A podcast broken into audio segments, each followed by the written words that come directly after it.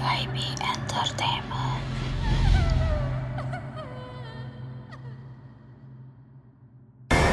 dipanggil lah temen nyokap gue yang bisa ngeliat. Ternyata hantunya tanda kutip hantunya itu ternyata orang yang meninggal kemarin. Hmm. dan dan Oh. lebih dan lebih horornya lagi bagian organ tubuhnya ada yang ketinggalan yaitu batok kelapa. Eh batok kelapa. Batok kepala.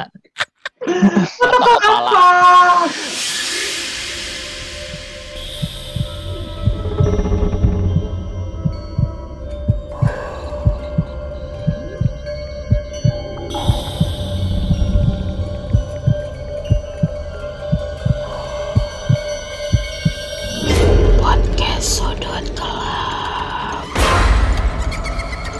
Hai guys, selamat datang di Sudut Gelap. Jangan dulu terlelap, kamu nggak tahu ada apa di dalam gelap. Gue Ivan, dan gue kali ini kedatangan eh, teman-teman dari podcast tetangga, yaitu teman-teman dari podcast Bangku Warteg.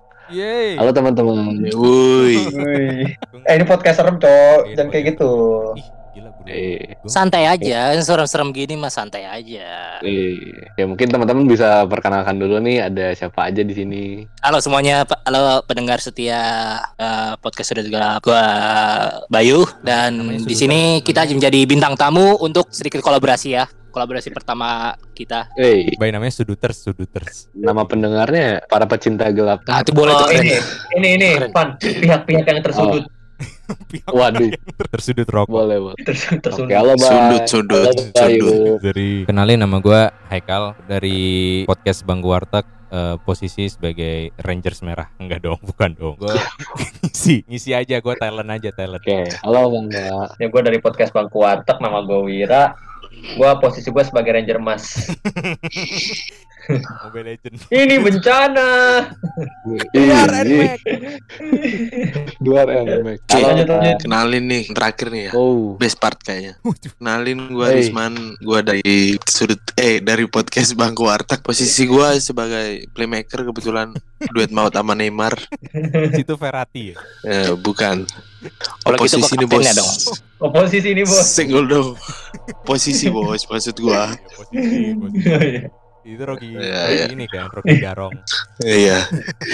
Rocky Balboa. Waduh, Parah, parah. Halo. Oke, selamat datang teman-teman dari eh, Podcast Bangku Wartel. Terima kasih sudah memperkenalkan diri. Eh, mungkin buat teman-teman yang punya cerita atau pengalaman horor, bisa langsung eh, share aja ke email kita di sudutgelap.forbib@gmail.com atau bisa langsung ke Instagram official kita di podcast sudut gelap. Oke, kita mulai ceritanya. Mungkin teman-teman di sini eh, selama bernafas pernah ya pasti ngalamin kejadian-kejadian yang Iya benar. Kebetulan. Papa nggak napas. Kebetulan Papa nggak napas dia. Kebetulan Risman ngapasnya pakai insang. Ngap bos, ngap. Pakai kulit. Bisa nggak Ivan lanjutin dulu? Ivan lagi ngomong. Ivan Iya, ngomong. Bisa nggak? Dari- Dengerin Ivan dulu, Bay. Lah kok gua sih anjir. Bercanda mulu. mungkin teman-teman pernah ngalamin ya pengalaman-pengalaman ya yang nggak horor maksudnya pengalaman-pengalaman yang bikin teman-teman kayak ngerasa akut ngerasa eh, apa ya ngerasa terancam dalam arti kata terancamnya di sini takut ngeliat sesuatu yang teman-teman nggak pengen lihat itu loh ya gue meyakini bahwasannya di dunia ini nggak cuma kita di dunia ini penghuninya tuh eh, ada dari golongan jin dan dari golongan manusia dan ya mungkin ada satu beberapa dari mereka golongan karya. Nah ini. Lanjut. beringin Atau kuning tempatnya apa? beringin Ya beringin silakan kuning lanjut, ya saudari Ivan. Saudara, saudari. ya mungkin dari kalau dari teman-teman eh, kira-kira pernah nggak sih ngalamin kejadian gitu yang bener-bener teman-teman inget Eh, gua ada kebetulan ini ceritanya Bayu ya. Silakan Bayu. Kok gua? Kalau kalau kalau cerita gua berarti gua yang cerita dong. boleh boleh Ah, boleh sih. Kalau gua yang bisa dibilang ini pengalaman pertama gua ngelihat eh, makhluk halus ya pas gua SD. Itu gua eh, eh, pada saat itu bokap gua masih aktif-aktifnya di komunitas kan bisa di, bisa kalian tahu kalau bokap gua kerja di salah satu perusahaan otomotif ya sering touring gitu. Pada hari itu juga eh, bokap gua lagi touring ke kalau nggak salah tuh Pur- Purwakarta. Eh, jadi satu malam itu kita ada acara gathering gitu. Bapak bakar api unggun nonton nonton ada konser dangdut juga. Dan konsepnya itu emang alam. Jadi eh, para pesertanya tidur di tenda. Kebetulan gua kan sa- satu keluarga tuh nah dikhususkan gue nginep di kayak bukan hotel sih kayak lo tau gak sih kayak kalau lu ke Anyar tuh kan hotelnya pasti kan kayak kos-kosan gitu kan Cottage. kamar per kamar Cottage, gitu Eh, cottage. cottage Cottage, sorry. ah. Cottage, ah.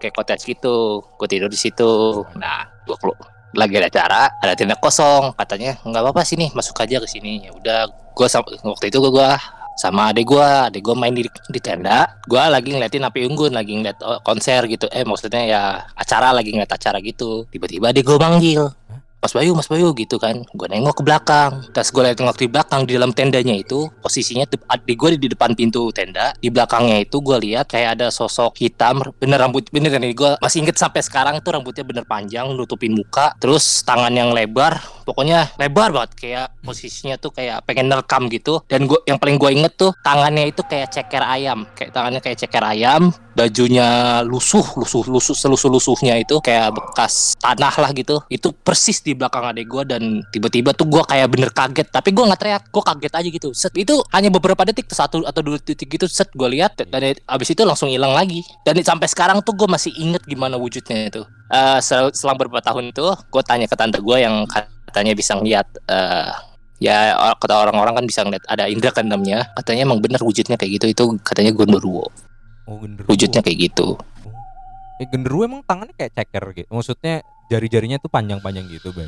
panjang katanya panjang gitu. Gua nggak tahu itu gu- antara gua pikir kuntilanak atau apa. Kan gua kalau bocah kan biasanya kan kalau ma- maghrib maghrib kan nggak boleh ntar diculik kalong wewe, gondoruo atau kuntilanak Ah, gitu iya, kan. iya, nah, iya. dia tuh itu ngertinya gitu doang.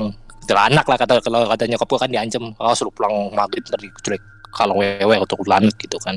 Nah, ternyata kata tante terus gue ceritain kan tentang itu ke tante gue yang bisa ngeliat katanya itu gondoruo kok wujudnya gondoruo tuh kayak gitu Tapi emang rawan banget sih maghrib-maghrib keluar gitu anak kecil. Gue aja apa ya, maksudnya yang gue udah gede aja selalu diingetin kayak gitu gitu. Oh, lu ini Pak sama mak lu nanti diculik kalong wewe gitu. Iya, terus gue bilang nggak mungkin mah aku berat. iya betul itu maksud gua. ribet, ribet. Ribet. Tapi baik gue pengen tahu itu ade lu ngelihat juga atau ngerasain atau gimana? Enggak, enggak ngeliat sama sekali. Pokoknya adek gue tuh ngadep tendanya di belakang, adek gue tuh di depan tendanya gitu. Di depan tendanya kayak pengen manggil suruh ini ngajak ngajak main lah, kan masih bocah gitu kan ngajak main. Ya nggak nyadar di di belakangnya dia tuh ada kayak gitu.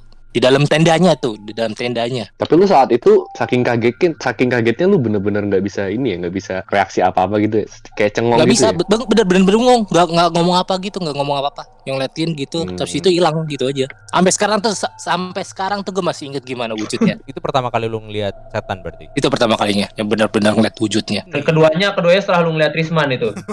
ternyata beneran iya, Aduh. ternyata kan. Tapi tapi gue juga ada cerita sih sebenarnya sih kalau pas masih kecil. Itu pas lu masih kecil kan ya, Bay? Ya itu pengalaman kayak gitu juga sih. Jadi pas itu gue tuh lagi kayaknya pesantren kilat deh SD. Pesantren kilat kalau nggak salah. Hmm. Pesantren kilat kan ada tuh kan pesantren kilat dulu. Jadi kayak malam-malam antara jam 6 sampai jam 7. Pada situ tuh masih zamannya pakai Nokia gitu dan, dan Iya. namanya anak-anak SD itu suka-suka ngerekam-ngerekam gitu. Jadi eh, temen gua ini pinjem HP gua. Jadi kayak ngerekam-ngerekam gitu. Jadi ngerekam dia ngerekam temen gua. Nah, pas dia lagi ganti arah, pas dia balik lagi ke arah yang sama sama temen gua, tiba-tiba tuh ada sosok bapak-bapak gitu, pakai batik atau pakai baju guru, gue lupa. Apa namanya pas dilihat kan, pas dilihat videonya segala macem, temen gue ini ngadu sama guru yang lain, kepala sekolah kalau nggak salah. Pak, ini kita nemu video kayak gini di lapangan gitu kan. Jadi guru yang di gambar itu itu ternyata gurunya udah meninggal. Mhm. waduh, waduh, waduh. Terus terus kayak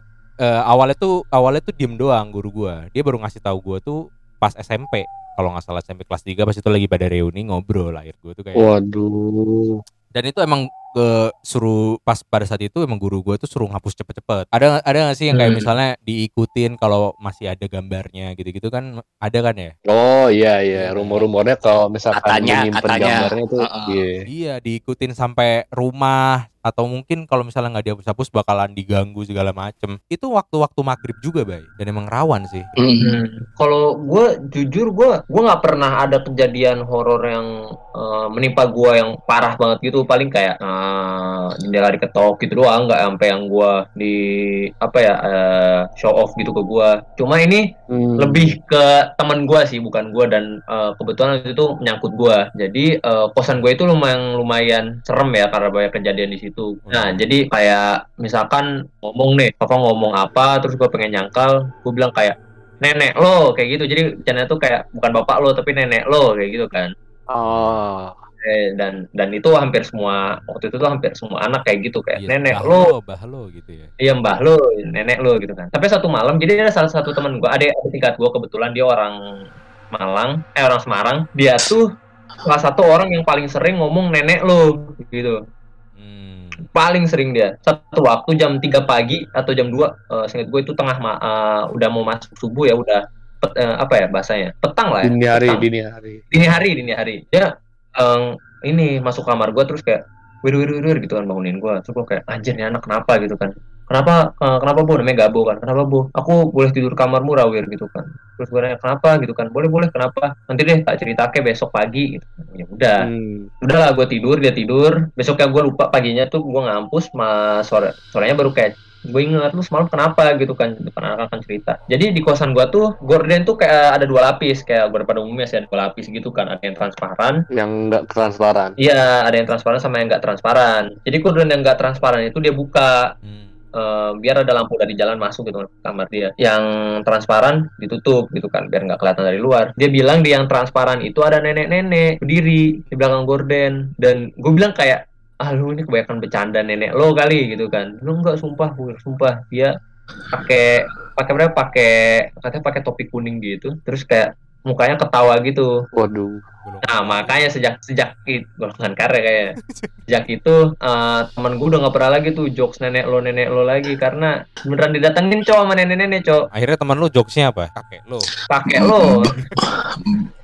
Ini banteng buffalo. Ah. bapak lo Aduh, maksudnya bang Buffalo iya iya ya itu sih. Gue gue emang nggak punya cerita yang gue dari gue pribadi yang nggak ada cerita yang eh, menimpa gue secara live dan menyeramkan gitu. Cuma waktu itu kondisinya itu serem banget sih. Kosan gue gempar sih dengan cerita temen gue lihat nenek-nenek. Tapi emang cerita temen tuh lebih banyak sih emang sih dibanding iya betul. dibanding cerita Dan- sendiri gitu dan macam-macam. iya wah itu kacau sih. Nah series mana nih gimana man? Kalau dari gua nih kalau gua horor apa ya?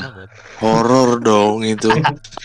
Itu buat semua orang pak. Itu buat semua orang. Bisnis tragedi horor, Ju. horor banget parah itu bos.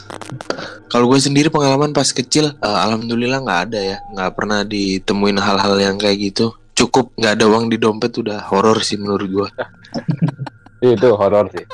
Kejadian gitu nggak ini sih nggak mandang usia sih. Kalau misalkan emang lagi sial aja ya bisa bisa bisa di- bisa kejadian bisa ditampakin gitu karena gue juga sebenarnya gue sebelum sebelumnya udah pernah sharing mengenai cerita horor gue gitu cuman Iya. baru-baru ini gue juga ngalamin di mana eh, kemarin pas gue habis dari pameran ikan itu sebenarnya siang-siang dan ya nggak nggak nggak expect akan kejadian apa-apa gitu nah gue waktu itu lagi jalan di tol di jalannya tuh sepi karena kan emang akses dari tempat si pamerannya ini nggak terlalu rame kalau ke kota jadi di tolnya tuh sepi Hmm. ya gue bisa pastiin nggak lebih dari lima mobil lah yang waktu itu se se apa ya satu liftingan sama gue gitu yang masih kelihatan sama gue nggak lama eh, pas gue lagi ganti-ganti radio tiba-tiba kaca mobil gue yang di bagian penumpang di depan tuh gue luar. Kenceng banget. Kayak ya kayak apa ya? Kayak misalkan lu lagi eh, belok belok U-turn gitu terus habis itu nggak ngasih duit ke pogahnya gitu. Digetok kaca lu ya kayak gitu. Sekeras itu. Gue awalnya nyangka ah kayaknya botol aqua atau apa. Gue sampai berhenti nepi ke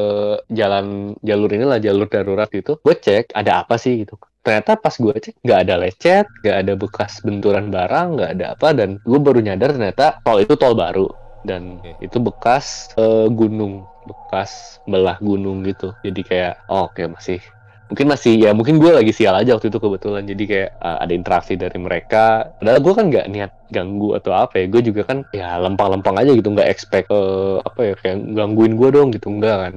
Nah makanya kalau menurut gue kejadian kayak gitu nggak nggak ini sih nggak mandang usia sih kalau kejadian sama kejadian ke kitanya gitu ya Kalau menurut gue juga Oh. benar-benar ini sih, Eh. benar-benar apa Van? Benar-benar gak expect juga kita nggak akan kepikiran bakalan ditampakin kalau menurut gua. Bahkan kalau misal kalau menurut gua Iya, kalau misalnya iya. kita benar-benar mana nih, mana nih, mana nih penampakan nih, itu malah nggak kena. itu malah ya malah nggak Nggak nggak sama dapet sekali gitu ya, malah zonk. Hmm. kalau lu semakin berani gitu maksudnya Iya, semakin apa ya, semakin sadar. makin nyari makin nyari sadar lu pengen nyari malah nggak dapet Itu sih. tapi Waduh. tapi ini loh eh, ini gue balik lagi ke masa lalu, lalu gue ya ini gue eh, tadi eh, sempat kelupaan nih Ah. dulu tuh pas kecil gue tuh bukan ngalamin sih eh, bukan gue yang ngalam bukan apa ya bahasanya kayak gue menyaksikan gue dulu punya eh, ART asisten rumah tangga Hmm. Nah, eh, asisten rumah tangga gue ini tuh dulu emang eh, apa ya dia nih emang orangnya tuh hebring gitu loh, yang suka ketawa-tawa gitu kan. Eh, fun lah orangnya gitu kan. Jadi satu waktu gue inget banget itu malam Senin, gue baru balik dari. Jakarta dan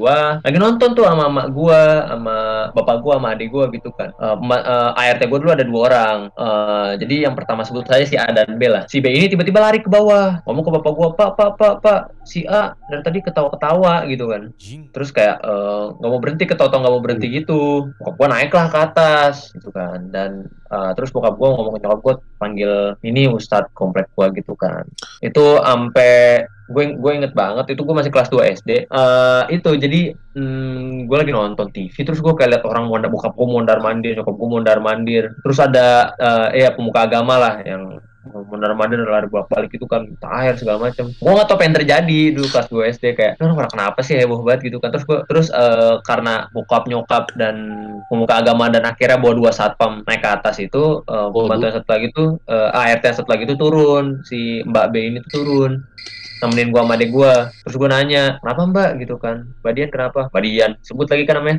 Mbak Dian kenapa? Gitu kan. Kesurupan eh, kesurupan lu gua kayak hah? Itu gua kayak jadi gua tuh anak kecil yang masih gue tuh dulu eh, nggak apa ya bu- bukan nggak percaya kayak masih Buta denial lah ya, dengan buta informasi. Buta, masih buta informasi tentang hal-hal seperti Hmm. itu. Terus gue kayak gue gue penasaran dong gue pengen naik ke atas itu pengen lihat bentukannya kayak gimana. Soalnya di pikiran gue tuh orang kayak gitu tuh eh, berubah bentuknya apa gimana gitu kan. Dan akhirnya apa sih kayak gue disuruh masuk ke kamar terus kayak udah karena masalah keluarga segala macem besoknya gue ngobrol sama si Badian ini kayak Badian rasanya gimana? Gitu kan gitu segala macem. Nah, semalam tuh rasanya gimana? Jadi dia lagi lagi bercanda masih mbak yang satu lagi lagi bercanda terus tiba-tiba tuh dia kayak ini kayak di kayak pingsan. Tiba-tiba tiba-tiba kayak pingsan. Dia tiba-tiba nggak sadar.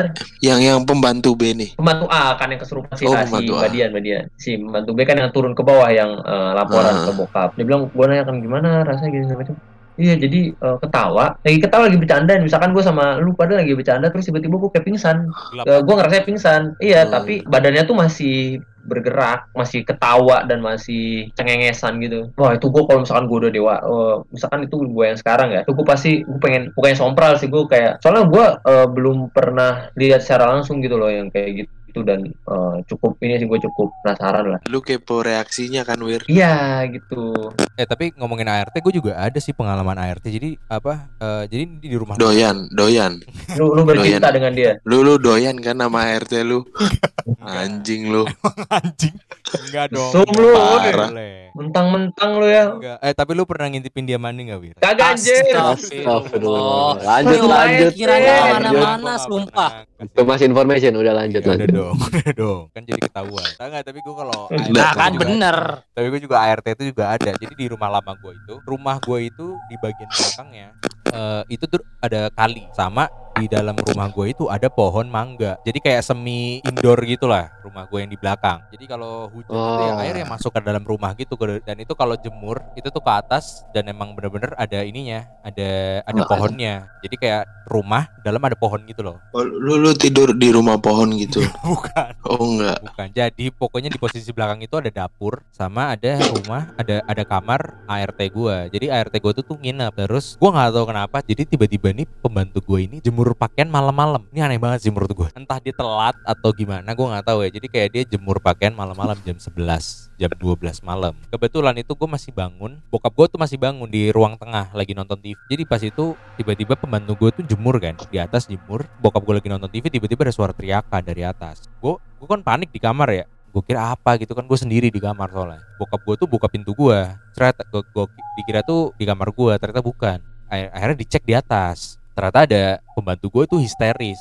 Gak tau kayak teriak-teriak gitu. Dibawa turun sama bokap gue kan. Tenangin ditenangin nyokap gue dibangunin segala macem biar diurusin. Dikasih minum segala macem. Jam sekitar jam satuan atau jam setengah duaan gitu loh dia udah sadar gitu loh udah mulai ngobrol gitu kan. Dia cerita tadi saya habis jemur pak Kok kamu bisa sih jemur malam-malam gitu kan bokap gue kan heran-heran ya pas di apa pas ditanya iya nggak tahu kenapa tiba-tiba pengen jemur aja kan aneh ya Itu habis nonton ini kali, nonton dahsyat. Cuci-cuci, jemur-jemur. Aduh, aduh kurang sih. Enggak, terus tiba-tiba pas dia lagi jemur ternyata tuh ini tangkepan gua sama bokap gua sama nyokap gua. Jadi kayak dia tuh dibisikin gitu suruh jemur pakaian ke atas. Nah, itu tuh yang bisikin dia itu tuh itu orang yang apa yang ditampakin gitu ternyata tuh kuntilanak lagi gantungan di pohon gitu. Pohon mangga gitu loh, waduh. Terus pas pagi-paginya tuh ditunjuk di sini Pak, di sini gitu. Gue kebayang sih, gue kebayang sih. Pohonnya tuh tinggi gitu ya, maksudnya sih pohonnya tuh sampai ke tempat jemurannya gitu ya. Sampai atap-atap gitu loh emang. Emang gede banget pohon mangganya. Oh. bisa nggak bisa ditebang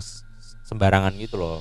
Kalau gue mau ngelanjutin yang pohon-pohon nih, Pohon apa tuh? Hmm, Ah, boleh boleh. Nih ya. Golkar nih. bukan nih bos. Callbacknya ke sana terus. Bukan os. Kalau eh, pohon itu kan eh, kayaknya berkaitan erat sama hal-hal gitu ya. Iya, Hmm. pohon beringin ya apalagi. ya. Banyak sih pohon apa aja bisa maksudnya yang Pohon udah apa? berumur biasanya. Ah, Jadi kayak gue ada dua cerita sih kalau tentang pohon nih. Yang pertama kalau misalnya eh gue dari Surabaya mau ke Jakarta via Pantura itu ada setelah Tuban itu setelah Rembang. Eh setelah Tuban mau arah Rembang itu ada satu pohon eh, gede banget sebelum pertigaan di kiri jalan itu eh, emang wajib dikelaksonin kalau yang mau lewat situ kayak istilahnya bilang permisi gitu loh. oh, Eh, gitu kalau di daerah Jawa Timur sih. Pohonnya itu gede jadi kayak eh, ganggu bukan ganggu sih kayak eh, makan jalan lah istilahnya. Emang emang jadi budayanya supir-supir truk terus supir bis sama orang-orang yang biasanya lewat ya. Yang bukan orang situ ya biasanya itu pada ngebel pada ngelaksonin semua. Katanya tuh eh, dulu ada satu cerita kalau misalnya nggak ngelewatin eh pas ngelewatin situ nggak ngelakson tuh kayak kegodanya di setelah lewat pohon itu ada aja masalah kayak misal eh, tiba-tiba ban bocor terus tiba-tiba eh, setir itu oleng gara-gara ngantuk eh, ngantuknya itu juga kayak tiba-tiba gitu loh kayak Nguap aja gitu. lu udah ngelewat sini kayak lu udah ngelewat sini kayak nggak nggak ngasih gua eh, apa ya maksudnya nggak kayak ngasih gue. gua kayak gitu. Kayak gitu sih kalau pohon-pohon ya. Kalau yang kedua tuh ini cerita bokap sih. Jadi bokap kan kontraktor ya. Kebetulan eh, waktu itu ada proyek kan eh, bangun jembatan di daerahnya di Jawa Tengah. Eh, gua nggak sebutin daerahnya ya os. Jadi waktu proyek jembatan itu kebetulan yang orang lapangan tuh eh, sempet nelpon bokap. Kalau misalnya Pak ini gimana pohonnya? Yang ini? Jadi emang eh, sisa satu pohonnya itu eh, ya udah di iniin aja ditebang aja. Kalau nggak misal ditebang dicangkok kan bisa ya. Tapi agak dalam sih. Eh, pas pas disuruh gitu ternyata eh, nggak bisa. Eh, jadi ternyata eh, setelah setelah dicoba beberapa kali emang emang nggak mau gitu loh. Terus setelah dua hari kemudian emang kayaknya ini bokap sih yang feeling kayak kalau bangun-bangun struktur gitu kayak ada minta tumbal gitu loh. Paham gak lo Aduh, apa emang? tumbalnya kebetulan waktu itu anak kecil jadi eh, Astagfirullah, seriusan itu. Iya seriusan ini. Jadi anak kecil itu, eh, lu pada ngalamin gak sih kalau misal proyek belum jadi, anak-anak kecil itu pada mainin di jembatan, Oh, oh iya iya iya. kayak kayak balapan Oh, sepeda iya. atau main Iya, iya, iya. layangan. Itu ada kecilnya jatuh tuh. Ya kebetulan anak kecilnya itu jatuh waktu sepedaan.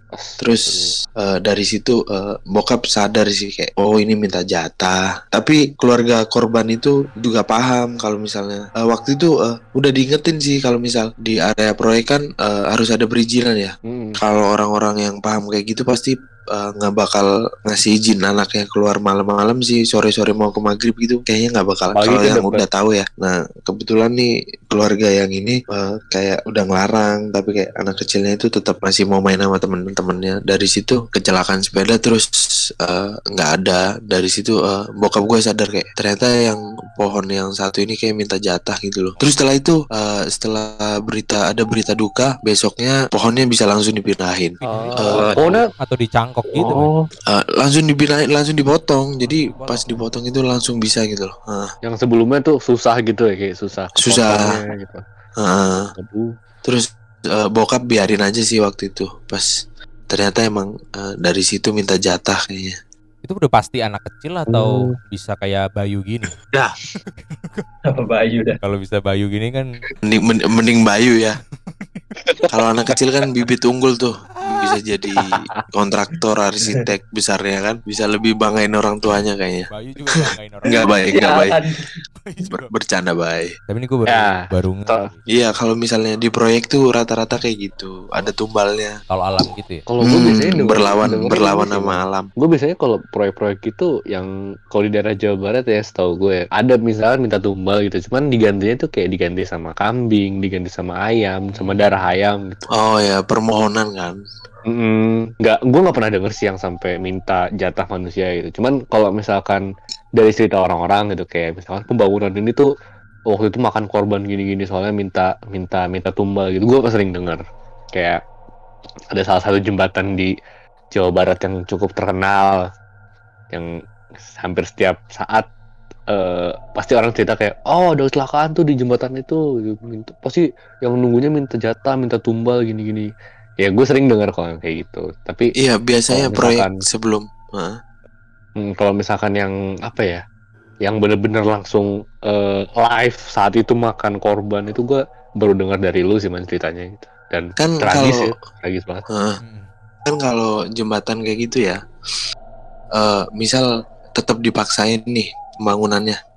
Biasanya dari eh, setelah jadi peresmian gitu-gitu biasanya banyak masalah tuh di jembatan kayak sering kecelakaan di jembatan itu. Biasanya gitu kalau nggak diturutin. Makanya eh, kayaknya pas korbannya korban meninggalnya anak kecil tuh eh, kan itu setelah susah dipotong kan pohonnya. Kayak bokap gua nggak belum belum sadar gitu loh. Iya. kalau misalnya eh, ternyata proyek ini eh, minta minta tumbal minta jatah. Jadi ka- Hmm. kayak misal banyak orang lewat sini jadi lu harus numbalin salah satu. Daripada ntar pas jembatannya udah peresmian jadi dipakai akses banyak orang malah nimbulin kerugian yang besar Hmm, banyak kayak feeling gue korban dari ya. situ sih ah.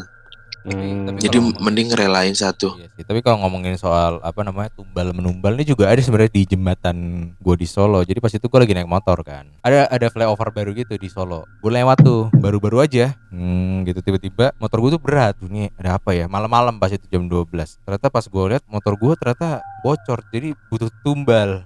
oh iya. Masuk Oh. sih ini. Iya, Udah ketebak, Robi. Pak. Hari-hari guyon, hari-hari guyon. Udah ketebak, udah ketebak. Oke. masuk sih ini. Tapi tapi ini gue pengen ini ke motor ya tadi ya. Jadi eh, temen gue nih dulu gue gue lupa kenapa kejadian tuh awalnya gimana. Pokoknya dia tuh habis dari satu tempat terus tuh dia naik motor nih. Eh, udah dari tempat itu dia naik motor. Dia tuh jatuhnya ke arah kanan terus. Sering banget dia jatuh. Tapi jatuhnya tuh jatuh aneh-aneh kayak lagi diem. Masa lagi pelan? Jatuh. Tapi jatuhnya ke arah kanan terus Eh, Terus? Kayak kayak kayak ada yang narik gitu. Ternyata dia tuh eh, ada yang ada yang ngikut di bagian kanan. Makanya dia Kayak setiap berat dia- sebelah gitu ya. berat iya berat sebelah. Jadi pas dia naik motor tuh jatuh ke arah kanan terus. Ngeri juga sih untungnya teman gua nggak kenapa-napa ya. Coba Untungnya. naik mobil Terus? aja wir temen lu. iya. Iya sih itu jawabannya sih sebenarnya. Ya, solusi. apa enggak gojek kayak gojek. Kasihan abangnya dong. Siapa tahu Ini abangnya kalau punya enggak siapa tahu abangnya punya ini yang kiri. Kan ah imbang. iya bener ya balance iya kan balance kalau dengar-dengar soal No. motor nih ya. ya Itu, gimana Yamaha. satu kisah nih. Ini beneran ini gue cerita dari bokap. ngomong dong kirain dibungkam tadi waduh Enggak. Gue gua gua tuh nggak tahu gimana harus balasnya. Jadi oh mending, iya. mending diam daripada harus merusuh kayak Fafa tadi kan. Gua lah. Oke, oke ini ini ini agak agak serius sih. Jadi eh, dulu kan bokap gue emang eh, rantau orang rantau kan dari Jawa Timur ke Bekasi sini lah orang orang Madiun bokap gue Magetan Magetan lebih tepatnya Magetan. Iya. Eh, ngerantau. Terus eh, pada saat itu bokap gue cuma punya motor mau mau mudik bareng nyokap gue itu itu gue belum lahir tuh. Alas Roban Alas Roban. Awal. pada tahu Alas Roban kan? Iya tahu tahu tahu tahu tahu Jawa nih. Nah, nah, pas lagi itu posisinya tuh udah menjelang malam, udah udah lewat maghrib lah, udah lewat maghrib jam tujuan udah isyaan gitu. Menjelang malam tuh bokap gua tuh masih naik motor tuh sama nyokap gua buncingan. Set ngelusurin alas roban, gelap tuh. Zaman dulu kan emang belum ada lampu tuh kalau orang-orang yang lewat Pantura tuh kan tau lah. Kan kalau sekarang kan alas roban kan udah lumayan rame kan, udah ada warung-warung terus ada jalan baru tuh. Hmm. langsung bisa langsung ke mana gitu kan. Solo ya jalan muter akses muter. Nah ini iya yang motong hutannya Nah itu bokap gue tuh masih jalur yang lama. Udah malam tuh tiba-tiba firasat nyokap gue udah nggak enak. Ini udah ini bener gak nih jalannya? Bener kok dari tadi kan jalan utama nih nggak ngelewatin udah ngelewatin yang pokoknya titik yang tertentu tuh udah udah tahu bokap gue udah apalah gitu kan. Iya sih. Ah. Tadi kayaknya kok nggak nyampe nyampe gitu nggak lama bokap gue juga nyadar kok ini makin dalam ya tiba-tiba tuh jalannya tuh dari jalan raya berubah jadi kayak jalan kampung pasir doang gitu pasir kerikil kerikil gitu itu beneran itu beneran bokap gue bener-bener ceritanya Tersesat gitu ya. Tiba-tiba jadi iya tiba-tiba kesesat dari jal- dari awalnya jalan gede beraspal tiba-tiba tuh berubah jadi jalan kerikil. Terus ya udah tuh lurus ya udah kata nyokap gua ya udah ikutin yang jalan jalur aja. Ya udah bokap gua positif tuh sambil zikir tuh. Jalan jalan lu itu lurus tiba-tiba ya udah langsung jalan itu lagi. Jalan apa? Jalan beraspal lagi jalan utama gitu. Ya udah ny- nyokap gua nyari eh ini bokap gua nyari kayak ya tempat istirahat gitu kayak warung kecil gitu. Ya udah tuh Hmm. istirahat dulu sebentar. Kan ditanyain sama orang warungnya kenapa mas? Kayak kayak bokapku tuh kayak shock. Tadi saya ngelewatin jalur utama tapi tiba-tiba kayak nyasar ke, ke tengah hutan gitu jalurnya udah nggak jelas gitu. Oh ber- udah biasa ini oh berarti mas baru pertama kali ya? Enggak sih saya udah sering. Berarti mas ini mas apa disa- disasarin sama tempat sama penunggu sininya. Kayak hati-hati kalau malam gitu. Soalnya itu bokap gue tuh pertama kali ke Alas Roban le- malam-malam itu pertama kalinya naik motor. Ah. kalau malam mah hati- Biasanya- hati-hati mas gitu. Biasanya di- dis- disasarin sama penunggu situnya gitu. Itu bener-bener shock itu bokap gue ya udah akhirnya bokap gue mutusin buat nginep di eh, pokoknya ada hotel lah hotel hotel murah gitu di situ kan kalau di Oke. Pandora kan banyak hotel-hotel murah ya udah tuh paginya Terus? baru lanjut jalan lagi Tapi tersesat gitu sih nggak enak banget sih anjing. Bad mood sih. Heeh. Iya. Bad mood sih. Malam-malam lagi. Apalagi terus sesatnya di hutan gitu Iya, kan. Bad mood sih anjing sih gue situ anjing. Kalau misal di Jawa nih masih masih banyak jalur-jalur yang uh, harus Belum harus gitu ya. uh, harus kayak permisi terus kayak misalnya Hmm. lu harus fokus takutnya kan nggak fokus kan kayak kejadian bokap lu baik mungkin Hmm. juga ada faktor capek Hmm, ya. Bisa Bisa gitu sih. gara-gara capek jadi eh, nggak fokus gitu kan, terus tiba-tiba Nah. eh, masuk logika Gitu. sih masuk logika Heeh, masuk logika tapi ya itu sih itu yang yang pengalaman mistis yang bokap gue pernah alamin sih gitu soalnya kalau udah ngelawan alam tuh susah cuk lu harus uh, harus semaksimal mungkin kayak ngerendah gitulah ya ya. Nah, ngomong-ngomong masalah jalan nih, gue pernah denger juga cerita dari salah satu teman kita. Katanya tuh kalau misalkan, eh kalau misalkan kilometer 97 mungkin lu udah pada sering denger ya bahwa itu ada Ah, iya cukup. Iya, iya. cukup ngeri Arah ya. mana nih? Gitu ya. kilometer 97 Arah- arah mana 97 arah ke Bekasi, eh arah ke Lah. arah ke Jakarta, yang pas Ah, Itu umum. yang itu- pas turunan itu, Itu sempat viral lah pada zamannya. itu sempat viral kan. Lewat- Nah, gue lewat tol dari Pasteur dari Cipularang, dari arah Cipularang. dari arah Cipularang, oh, iya, dari Senatu arah- Cipularang Saiful Jamil ya? Iya. oh yang iya. banyak gua kecelakaan gua- itu kan Cipularang Iya. ya kalau nggak salah ya Gue Hmm. pernah diceritain sama salah satu teman kita nih, katanya Hmm.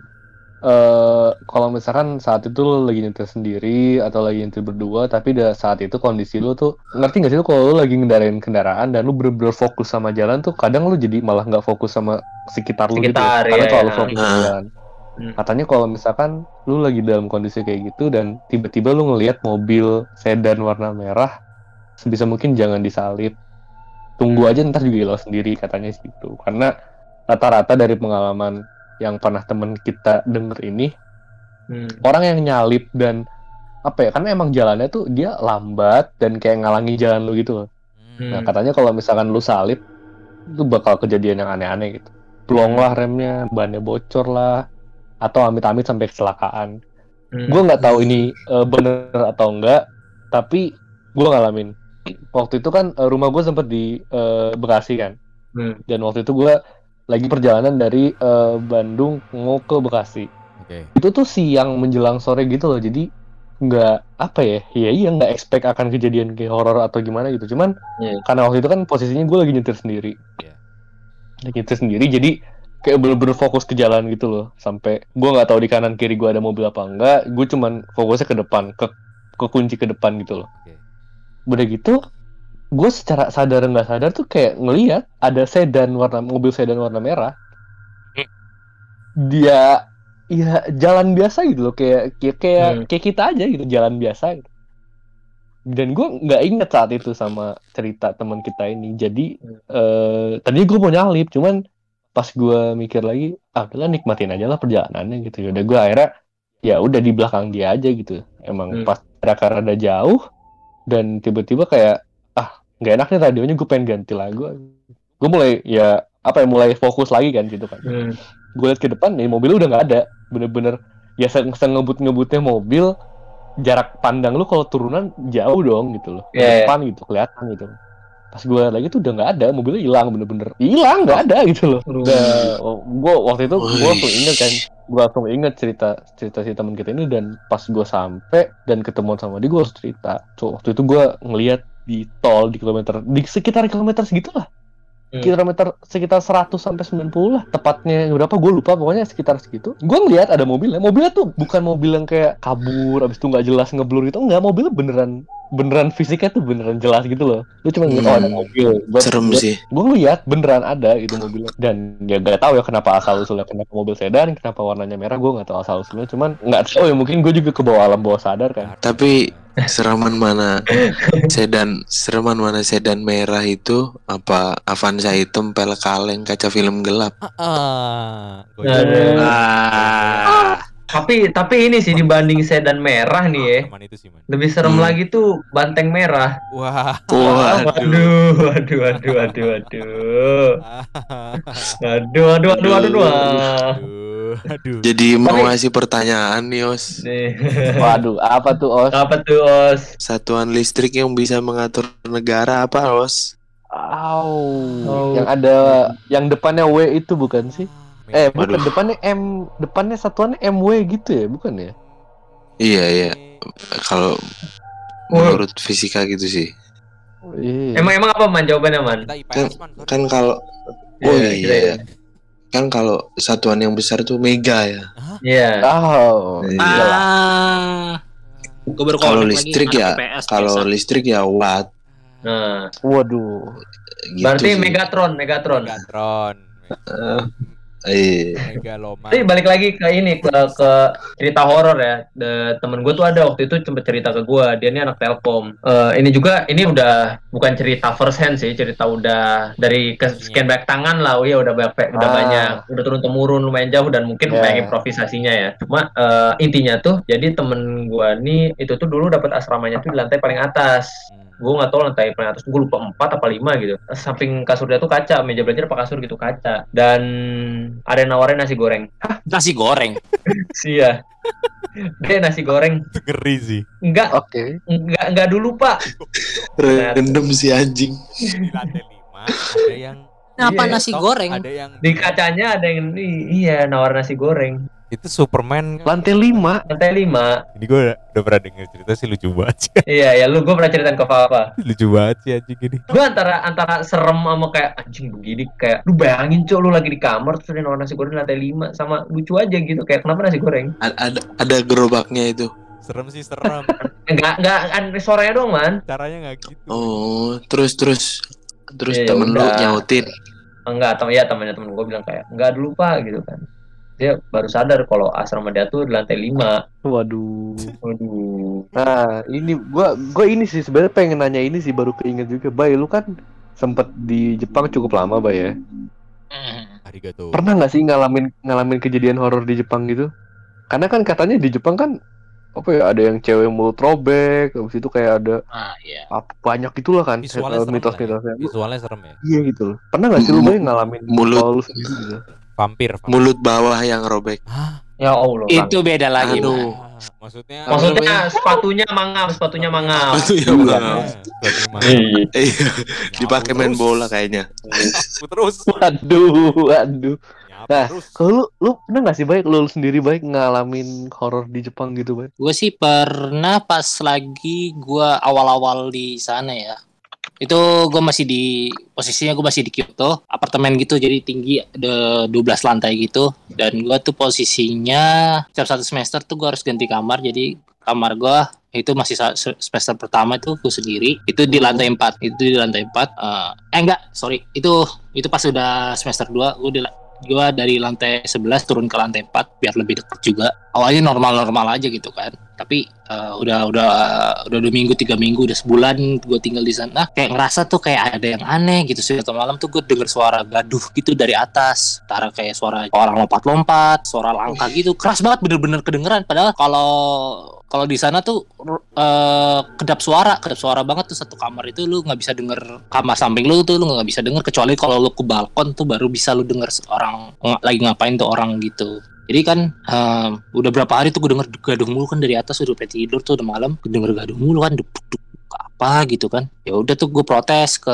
landlordnya gitu kan. Ini ada gaduh nih di lantai 5 dicek lah lantai 5 pas dicek itu ternyata tuh kamar kosong. Hmm. itu kamar kosong dan emang gue lihat kalau gue lihat dari jalanan itu emang nggak ada siapa-siapa. Kalau gue lihat tuh kan kalau kalau rumah-rumah baru tuh kan pasti belum ada korden belum ada apa-apa gitu kan. Jadi kelihatan jelas gitu dalam ya, masih kosong Hmm. banget gitu kan itu emang bener nggak ada masanya ini siapa yang loncat-loncat ngelangkah-langkah gaduh-gaduh di di atas gua Wah, Hmm, Dan di- paham paham. Gue gue Dan relate di- sih karena gue juga ngekos di apartemen kan gue juga gue relate sih ini bang. Terus terus terus. ya kan itu kan apartemen kalau di kalau bisa tahu kan ke dia di Jepang kan apartemennya nggak terlalu gede kayak di Indonesia gede banget ya. Jadi satu lantai itu nyaman ada 12 kamar atau 12 atau 10 gitu atau 8 lah.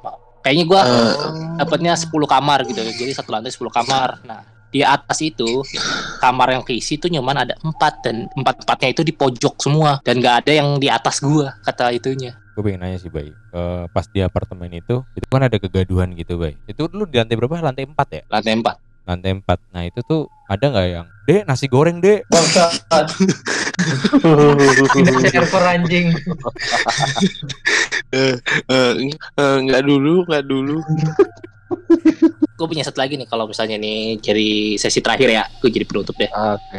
Uh, nyokap gue kan eh, perawat lah PNS gitu kan perawat Siapa? Siapa? nyokap nyokap Oh nyokap. ya gue kan Oh. eh, perawat di salah satu rumah sakit di Jakarta. Nyokap eh, pada saat itu nyokap gue di bagian IGD sama IGD malam-malam tuh. Malam-malam pokoknya pokoknya lagi lagi jaga kan nyokap gue lagi lagi dinas tuh.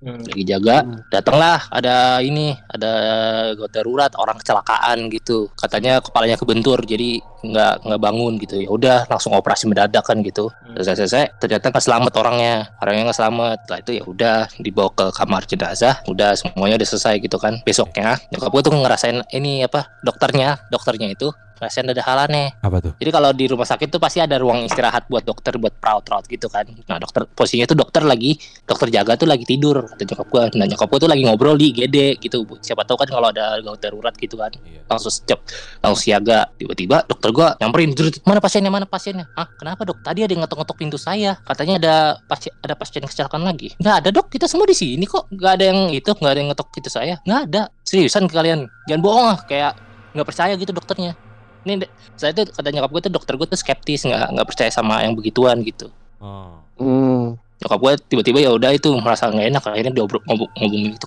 ini kenapa ya tiba-tiba kayak gitu ya? Maksudnya pertama kali gitu nyokap gue kayak gitu ng- ngalamin kayak gitu. Terus eh, nggak lama lagi dokternya tuh ya udah balik lagi tidur. Katanya katanya itu selimutnya ditarik. Itu bener Waduh. selimutnya ditarik ka- kakinya ditarik juga sampai jatuh gitu. Langsung lah dia kabur keluar kamar gitu kan. Itu di kamar saya tadi ada yang narik saya gitu. Ah yang bener dok nyokap gue nggak percaya gitu kan sama teman-temannya beneran dilihat emang berantakan kamarnya gitu kan. Nggak lama eh tuh su- itu udah tengah malam tuh. Udah posisinya udah tengah malam. Nyokap gue masih jaga. Ya itu tiba-tiba nyokap gue lagi pengen ke toilet. Eh temennya temennya tuh lagi pengen ke toilet. Lihat ada orang berdiri di ruang operasi di ruang operasi GD gawat darurat. Eh temen nyokap gue bilang maaf mas ada bisa saya bantu? Gitu. Nengok doang nengok doang. Ya udah habis itu jalan masuk. Mas mas jangan masuk. Pas lihat udah nggak ada. Ya udah tuh kan pada panik tuh. Itu posisinya pada panik tuh. Kenapa kenapa kenapa? Terus akhirnya di dipanggil lah temen nyokap gue yang bisa ngeliat. Ternyata hantunya tanda kutip hantunya itu ternyata orang yang meninggal kemarin. Dan Dan lebih- dan lebih horornya lagi bagian organ tubuhnya ada yang ketinggalan yaitu Oh, batok kelapa. Eh batok kelapa. Batok kepala batok kepala gue mikirnya kelapa anjir. Udah horor-horor kelapa lagi anjing Ini panas lain lu kan, Bay sebenarnya. Lu sudah mau ngelawak Enggak serius kan? ini gua bener-bener enggak enggak demi Allah demi Allah ini demi Allah Batok Bo, ini bohong ya lu. batok kepala yang di sini nih yang buat operasi itu ketinggalan Oh. di kul di kalau di kata nyokap gua tuh kalau di ruang operasi itu kayak ada kulkas buat nyimpen nyimpen organ gitu Hmm. nah ternyata pas dicek kulkasnya bener ada batok Waduh. kepala korban yang kemarin pas udah di itu udah disambungin ya udah besoknya tuh udah aman-aman lagi soalnya itu belum pernah ada kejadian kayak gitu selama itu selama nyokap gue di IGD dan selama nyokap gue dinas di IGD itu belum pernah ada. Itu itu Serem palanya sih. berarti kalau ditepok tuh sebenarnya agak ini ya, Mendep. nyepung. Mendep. ya? Kop- kopong kopong kopong Kopong. kayak kayak kayak siapa ya kayak tahu gue ini ngarah ke mana ah ini. Apa anjing emang? Gua enggak. Tapi emang tapi emang kalau rumah sakit ya rumah sakit parah banget sih. Rumah sakit sih parah. Iya, sih, bos, itu. Horor sih pasti sih. Banyak cukup banyak berarti maksudnya gue kan tadi awalnya mau ini kan nanyain mengenai cerita yang kita alami ternyata makin ke sini makin ke sini banyak makin banyak yang kita inget gitu cerita-cerita dari orang cerita-cerita yang ternyata Hmm. kita alami tapi kita lupa malah makin lama makin keinget kan makin Ma- malah kebuka pikirannya Iya betul.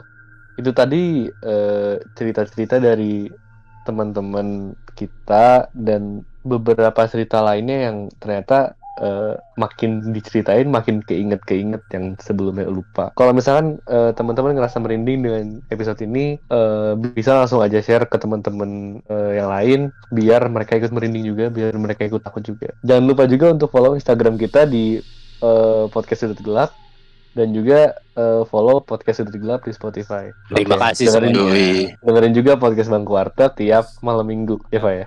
Enggak, Dan malam Senin, malam Senin. Dengerin juga eh, podcast Bang Kuarta setiap minggu pagi. Enggak kompak kita ya kayaknya. dan, dan jangan Oh. jangan jangan lupa di follow juga dong os Pokoknya di Iya, iya. podcast Bangku Warteg sama di follow juga Spotify-nya podcast Bangku Warteg. Oke. cakep Gue Ivan beserta teman-teman pamit undur diri. Dan jangan lupa, Bye. Ivan mau Oh, sorry sorry sorry. Ivan mau closing. gue mau punchline anjing. Ivan mau Sorry.